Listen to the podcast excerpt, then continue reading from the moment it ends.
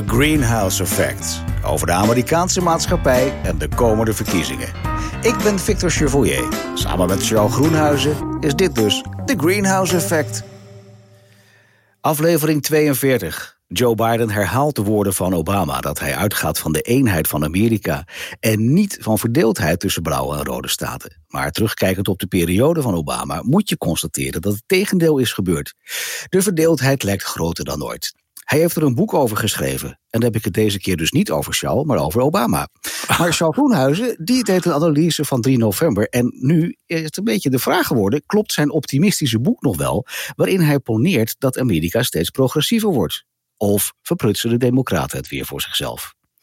En verder, hebben de rechtszaken van Trump enige kans? En Ralph Reed, de oprichter en voorzitter van de Faith and Freedom Coalition, een belangrijke evangelische groep, zei: Er is nog nooit iemand geweest die ons beter heeft verdedigd en voor ons heeft gevochten. En waar we meer van houden dan Donald J. Trump. Niemand. Nou, volgens mij gaat Thijs van den Brink binnenkort weer terug naar Amerika om hem te interviewen. Of niet, Charles? Laten we daar eens mee beginnen. Ja, nou, dat zou ik Thijs zeker adviseren. Thijs heeft eh, begin dit jaar ook een uit mijn hoofd driedelige serie gemaakt over de evangelicals. Uh, ook wat, leuke, nou, serie, soort, leuke serie. Het was een goede serie. Uh, ja. echt hele mooie mensen gesproken. Uh, wat ook wel een beetje voortkwam, denk ik, als ik Thijs goed heb begrepen, uit een soort verbazing en verbijstering wat daar nu gaande is. Bijvoorbeeld Thijs mm -hmm. natuurlijk met een sterke EO-achtergrond, dus zeer religieus geïnspireerd. Nou, prima. En maar tegelijkertijd zie je uh, ja, Kees van der Staaij komt in Amerika in de meerderheid zo ongeveer, als het uh, een beetje tegen zit. Althans, zijn geestverwanten. Uh, en, en daar was Thijs heel verbaasd over. Ik heb er een aantal keer ook met hem over gesproken. Hij heeft ook dingen ge gelezen die ik erover geschreven heb. En, en de verbijstering is eigenlijk vrij simpel.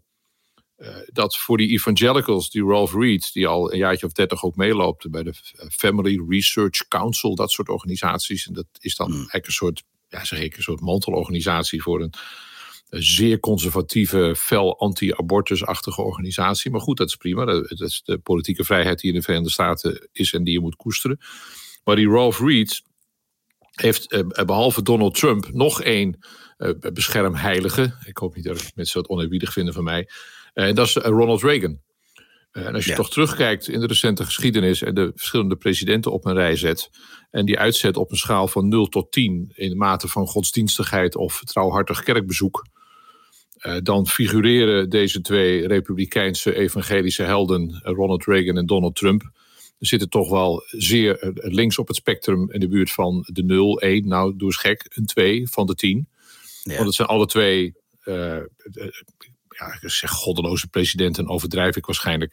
Nou, maar toch geen, presi geen presidenten die heel erg opgevallen zijn door zeer godsvruchtig gedrag. Nee. Uh, of veel goddelijke inspiratie. Ja. Uh, en dat zijn nu de helden. Maar dat schijnt in de Bijbel ook wel voor te komen. Dat God af en toe mensen voor zijn doeleinden gebruikt.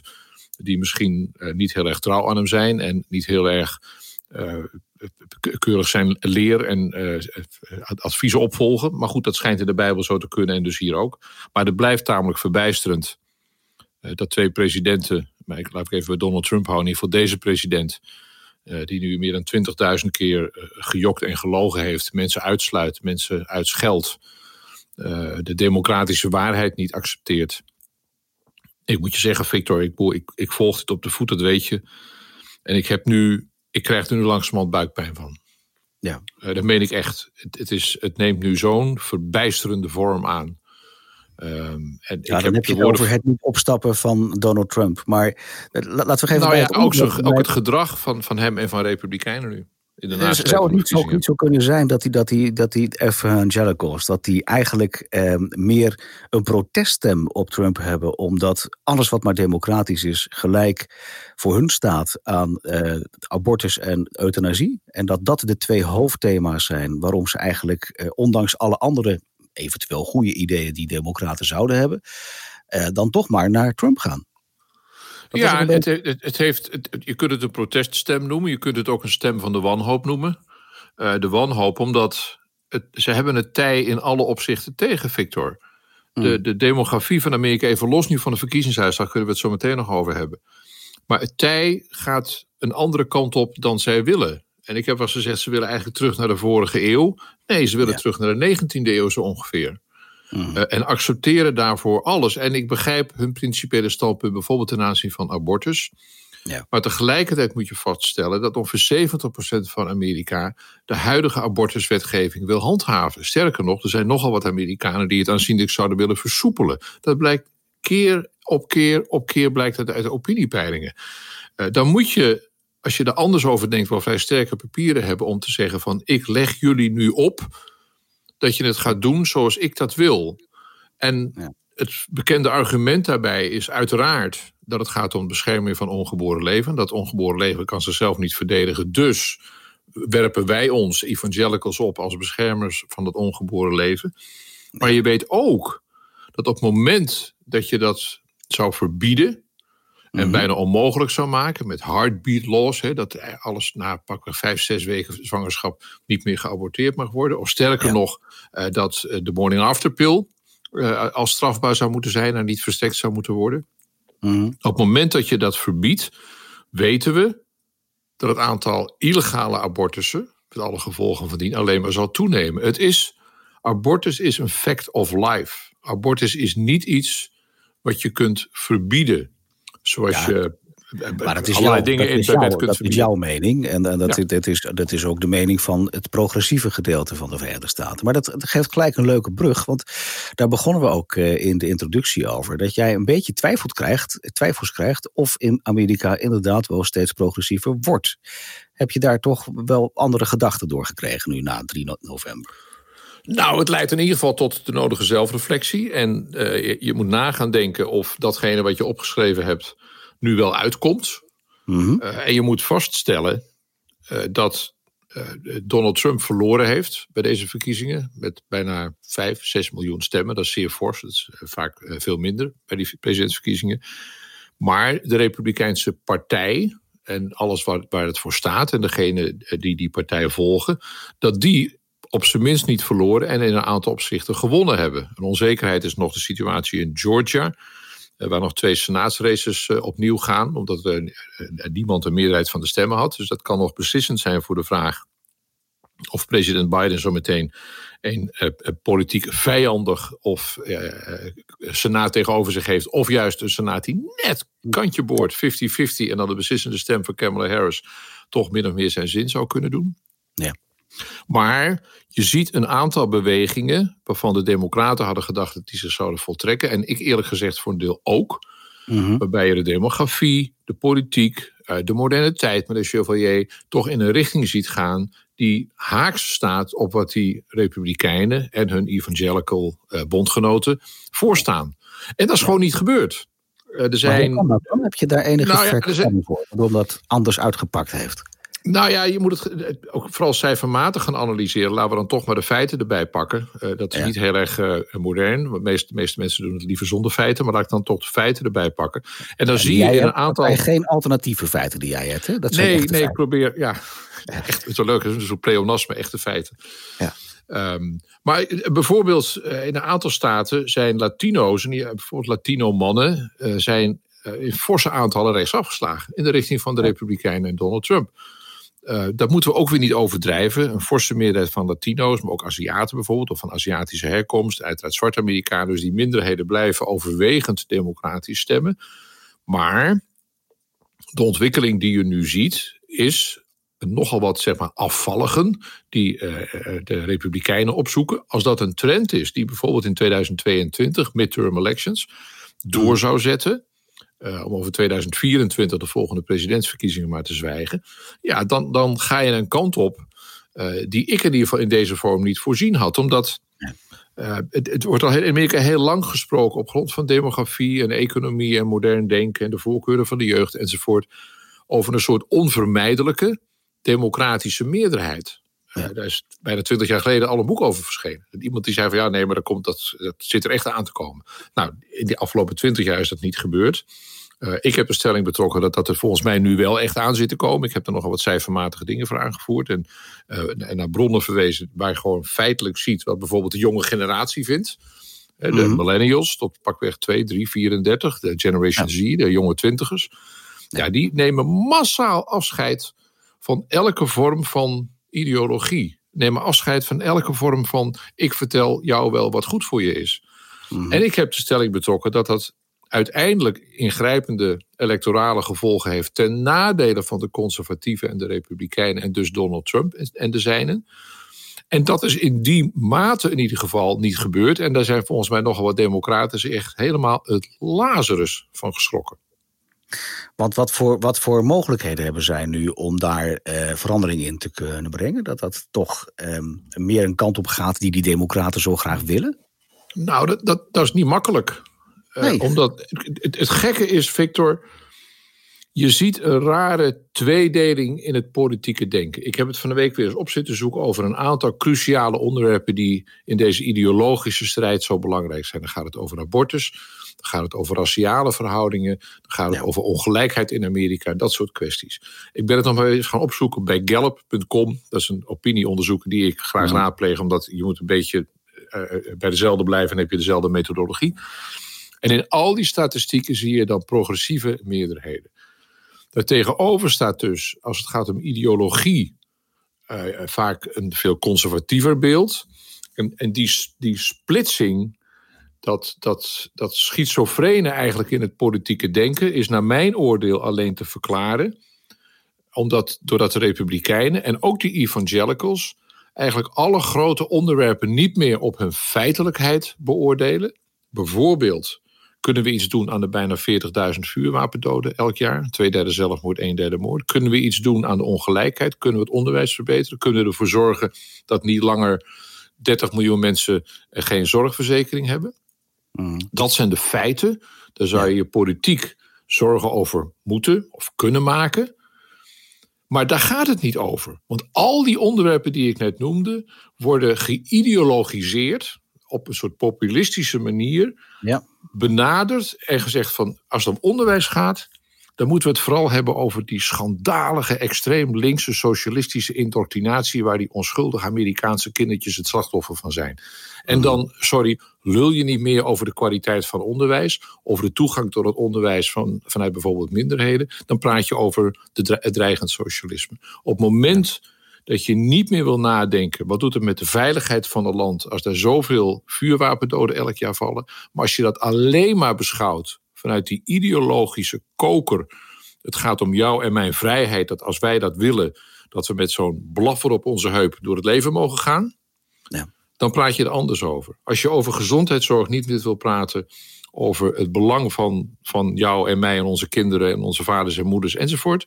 Maar alleen erover praat dat je niet wilt dat socialistische bureaucraten vanuit Washington bepalen wat er wel of niet in de doctors office mag gebeuren, dan is het weer die ideologische bril waardoor alles bekeken wordt. En speelt feitelijkheid geen rol meer. En daar zit naar mijn overtuiging de kern van het debat nu. Als het je lukt vanuit een soort populistische benadering om al dit soort cruciale onderwerpen, klimaat precies hetzelfde uh, Dat tast jou en mijn vrijheid aan. Al die idioten daar in Washington die uh, jouw benzineprijs willen verhogen. Of je willen vertellen wat niet mag met je verwarming. Of waar je wel of niet op vakantie mag. Het is toch goddorie een schandaal. Dat al die linkse extremisten, die uh, socialistische fascisten enzovoort. Dat voor jou en mij gaan bepalen. En dan denk je niet meer na van holy shit. De polkappen spelten. De wereld gaat naar de. Dan praat je er niet meer op een feitelijke manier over. En dan stopt het debat. Ik heb um, gisteravond naar uh, de, uh, het interview gekeken met Obama. Uh, dat was de verkorte versie. Dus ik moet nog een keer die hele lange bekijken. Maar ehm, ik, ik vond het een mooie kreet. Daar kwam jij vanmorgen ook nog mee. hij zegt er ook in. Um, Obama zegt erin van. de maakt zich van mij langzamerhand een verlammende verbijsteringmeester. Um, dat is allemaal terug te wijzen naar Trump. In de zin dat hij, dat hij eigenlijk gelanceerd heeft vier jaar geleden dat er alternatieve waarheden zouden zijn. Um, hoe krijgen we die geest weer terug in de fles? Nou ja, kijk, om te beginnen, Trump is niet de oorzaak, maar het gevolg. Hè? Hij heeft gebruik gemaakt van iets wat er was in potentie. Dat heeft hij op een qua politieke marketing geniale manier heeft hij dat geëxploiteerd. En dan verdient hij ja, een compliment, maar dat, dat is in ieder geval wel knap gedaan. Mhm. Eh, maar die verlammende verbijstering, ja, daar begin ik langzamerhand ook last van te krijgen. Het is, als je de interviews nu met Barack Obama leest, naar aanleiding van het boek, uh, een, een, beloofd land heet het, hè? niet het beloofde land, maar een beloofd land. Want anders zit je gelijk weer bijbels helemaal fout. Het beloofde land. Er is maar één echt beloofd land, meneer Chauvier. Dat begrijpt u Dat zeker? kan niet. Ja, een nee. beloofd land. Er staat ook geen vraagteken achter een beloofd land. Eh, Mhm. En dat laat, laat ook ruimte voor allerlei interpretaties. Maar als je dat Is boek over leest, nagedacht. Ja, als je dat boek leest en als je luistert naar de interviews die Barack Obama erover gegeven heeft, Ja. heeft hij het bijvoorbeeld op een bepaald moment over truth decay. Eh, het, het, het verrotten, letterlijk, decay is verrotten. Als, als iets Ja. dood is en eh, eh, ligt het daar te rotten, dat is decay. Ja. Dat is een hele zware conclusie van Barack Obama als je zegt er is in dit land sprake van truth decay. Of, hij zegt hij dan vervolgens, het gaat eigenlijk nog een stap verder.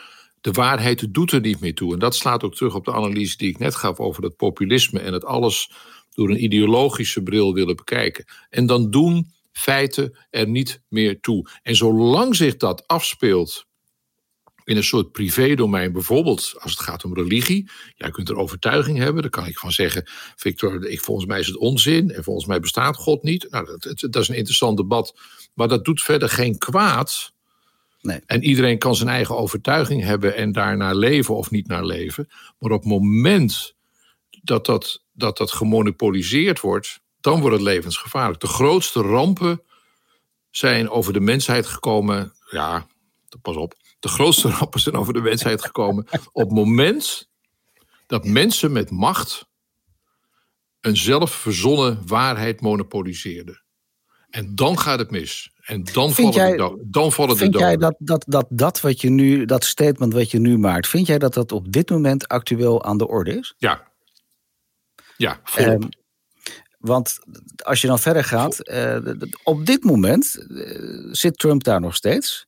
En er is eh, geen, geen, geen enkele aanwijzing dat hij in januari weggaat. Nee, nou ja, het- het- 20 januari is de datum waar je het alles om draait. Maar nog, nog crucialer is wat er op dit moment al gebeurt. Eh, en sorry voor het cliché weer. De bijl wordt gezet aan de wortel van de democratie op het moment dat je het proces waar fouten in zitten, voor een deel ook zelf gekozen door de Amerikanen, door dat malle systeem wat ze daar hebben en niet gewoon keurig georganiseerd zoals wij dat hier doen. Maar goed, dat is nu eenmaal een feit. Maar op het moment dat je zonder enige aanwijzing de tegenpartij, altijd de tegenpartij, altijd het hully-denken, zij doen dit, zij doen dat. Mm. Er wordt, wordt vaak gezegd van nee, bij jullie gunnen Trump niks. Nee, het is omgekeerd zo. Trump gunt zijn tegenstanders niks. Hij zegt ook, als ik aangevallen word, dan sla ik tien keer zo hard terug. Ja. Dat, dat is de manier van denken. En op het moment dat je zonder feitelijk bewijs het totale proces in twijfel trekt. En vervolgens in opiniepeilingen ziet dat heel veel mensen denken. Ja, het is ook een verrot systeem, over decay gesproken. Als Ja. je een mevrouw hoort zeggen op een demonstratie van Trump of een, een rally van Trump, die geen mondkapje op wil. Ik doe dat mondkapje niet om, want ik wil niet in een dictatuur leven. Als je leeft van een verpleegster die een patiënt, een mevrouw, in de laatste uren bijstaat. En de laatste woorden van die mevrouw, een, een Trumper, eh, die zegt van dat hele gedoe met dat coronavirus, dat kan niet waar zijn. Dat is gewoon niet waar. En dat waren de laatste woorden. Daarmee is zij naar de eeuwige jachtvelden vertrokken. Ja. Dan is er iets heel fundamenteels aan de hand. Dat is een, niet alleen een alternatieve waarheid, dat gaat veel verder. Het is een totaal verzonnen waarheid waar mensen als schapen voor een deel achteraan lopen. En dat is niet erg, zolang je dat in je eigen kerk of in je eigen buurthuis of in je eigen weet ik veel doet. Veel plezier ermee. Het wordt ernstiger als die alternatieve waarheid een instrument wordt in handen van degene die hun, hun waarheid willen opleggen aan de rest. Dat is de analyse. Ja. Maar nu, help. Eh, wat, wat hebben zij voor, voor, voor keuze? Eh, je, je, kunt het ook van twee kanten in. Enerzijds kun je het benaderen vanuit een standpunt van... Joh, hoe, hoe kun je die procedure nu maken dat, dat er ehm, eh, toch aanstalten gemaakt wordt... dat hij op een, op een normale, vreedzame manier de macht gaat overdragen. En het tweede thema wat ik er interessant vind... is dat waarom de Republikeinen zelf niet wat meer tegengas geven... maar ook een beetje achter Trump blijven aanlopen. Nou ja, om met die laatste te beginnen, dat, dat is een beetje dezelfde analyse die we net over de evangelicals hadden. Het is, een, het is een streven, ik heb het in deze podcast wel eens het Archie Bunker denken genoemd. Het idee dat je terugkomt naar 1975 of naar 1950. Ja. eh, of, of naar eh, 1850 toen de slavernij nog bestond. Of nou, eh, veel verder mee in waar je naar terug wilt. Eh, en omdat Uh, daarom zeg ik, van, wat je nu ziet is een soort wanhoopsoffensief, naar mijn oordeel, vanuit de rechterkant. En dus met die ideologische saus, zodat de feitelijkheid daaronder wordt weggesmeerd. Maar het, het, de kern zit dat mensen de waarheid zoals je zich nu gewoon in deze moderne tijd aan ons voordoet, niet alleen ontkennen, maar hem echt onder de grond willen stoppen. En daar mhm. een soort. Het is geen alternatieve waarheid, een soort onwaarheid overheen willen smeren. Uh, en daarmee hun wil willen opleggen aan een meerderheid. Dat zit in het Amerikaanse systeem ingebakken. Daar heeft een minderheid, in dit geval een conservatieve minderheid, al vaak de meerderheid van de zetels. Kijk naar de Senaat, kijk naar het Huis van Afgevaardigden, kijk naar het Supreme Court. Goed, het zijn allemaal politieke processen die de Amerikanen zichzelf hebben aangedaan. Maar het is wel een feit dat door op een sluwe manier gebruik te maken van dat politieke systeem, rechts nu bezig is om zijn gelijk, in ieder geval een poging te doen om hun gelijk te monopoliseren. En dan, uh, dan, dan, dan valt het bodem ongeveer onder democratisch denken valt weg. Vooral omdat je op het moment dat je dat niet lukt, zegt van het zijn allemaal oplichters. Ja, maar dat gebeurt nu al. Ja, volop. Ja. En daar is geen, daar is geen chique way out. Uh, en, en je begon straks terecht te zeggen over die blue states en red states, waar Barack Obama ooit beroemd mee is geworden in zijn eerste nationale speech in 2004. Vier jaar later werd hij president. Worden exact nu herhaald door Joe Biden. Maar terugkijkend, en de, met die bril op heb ik ook dat boek van Obama zitten lezen de afgelopen dagen. Uh, Mr. President, dat was een vrome wens die u toen had. Toen was hij trouwens nog senator in die tijd. Uh, het was een vrome wens die je had. Geen verdeeldheid, geen strikt onderscheid tussen blank en zwart, blue state, red states. Maar meneer Obama, het is u niet gelukt. Nee. Dat is geen verwijt, maar dat is een maatschappelijke constatering. Het is je niet gelukt zo goed als het Joe Biden nu ook niet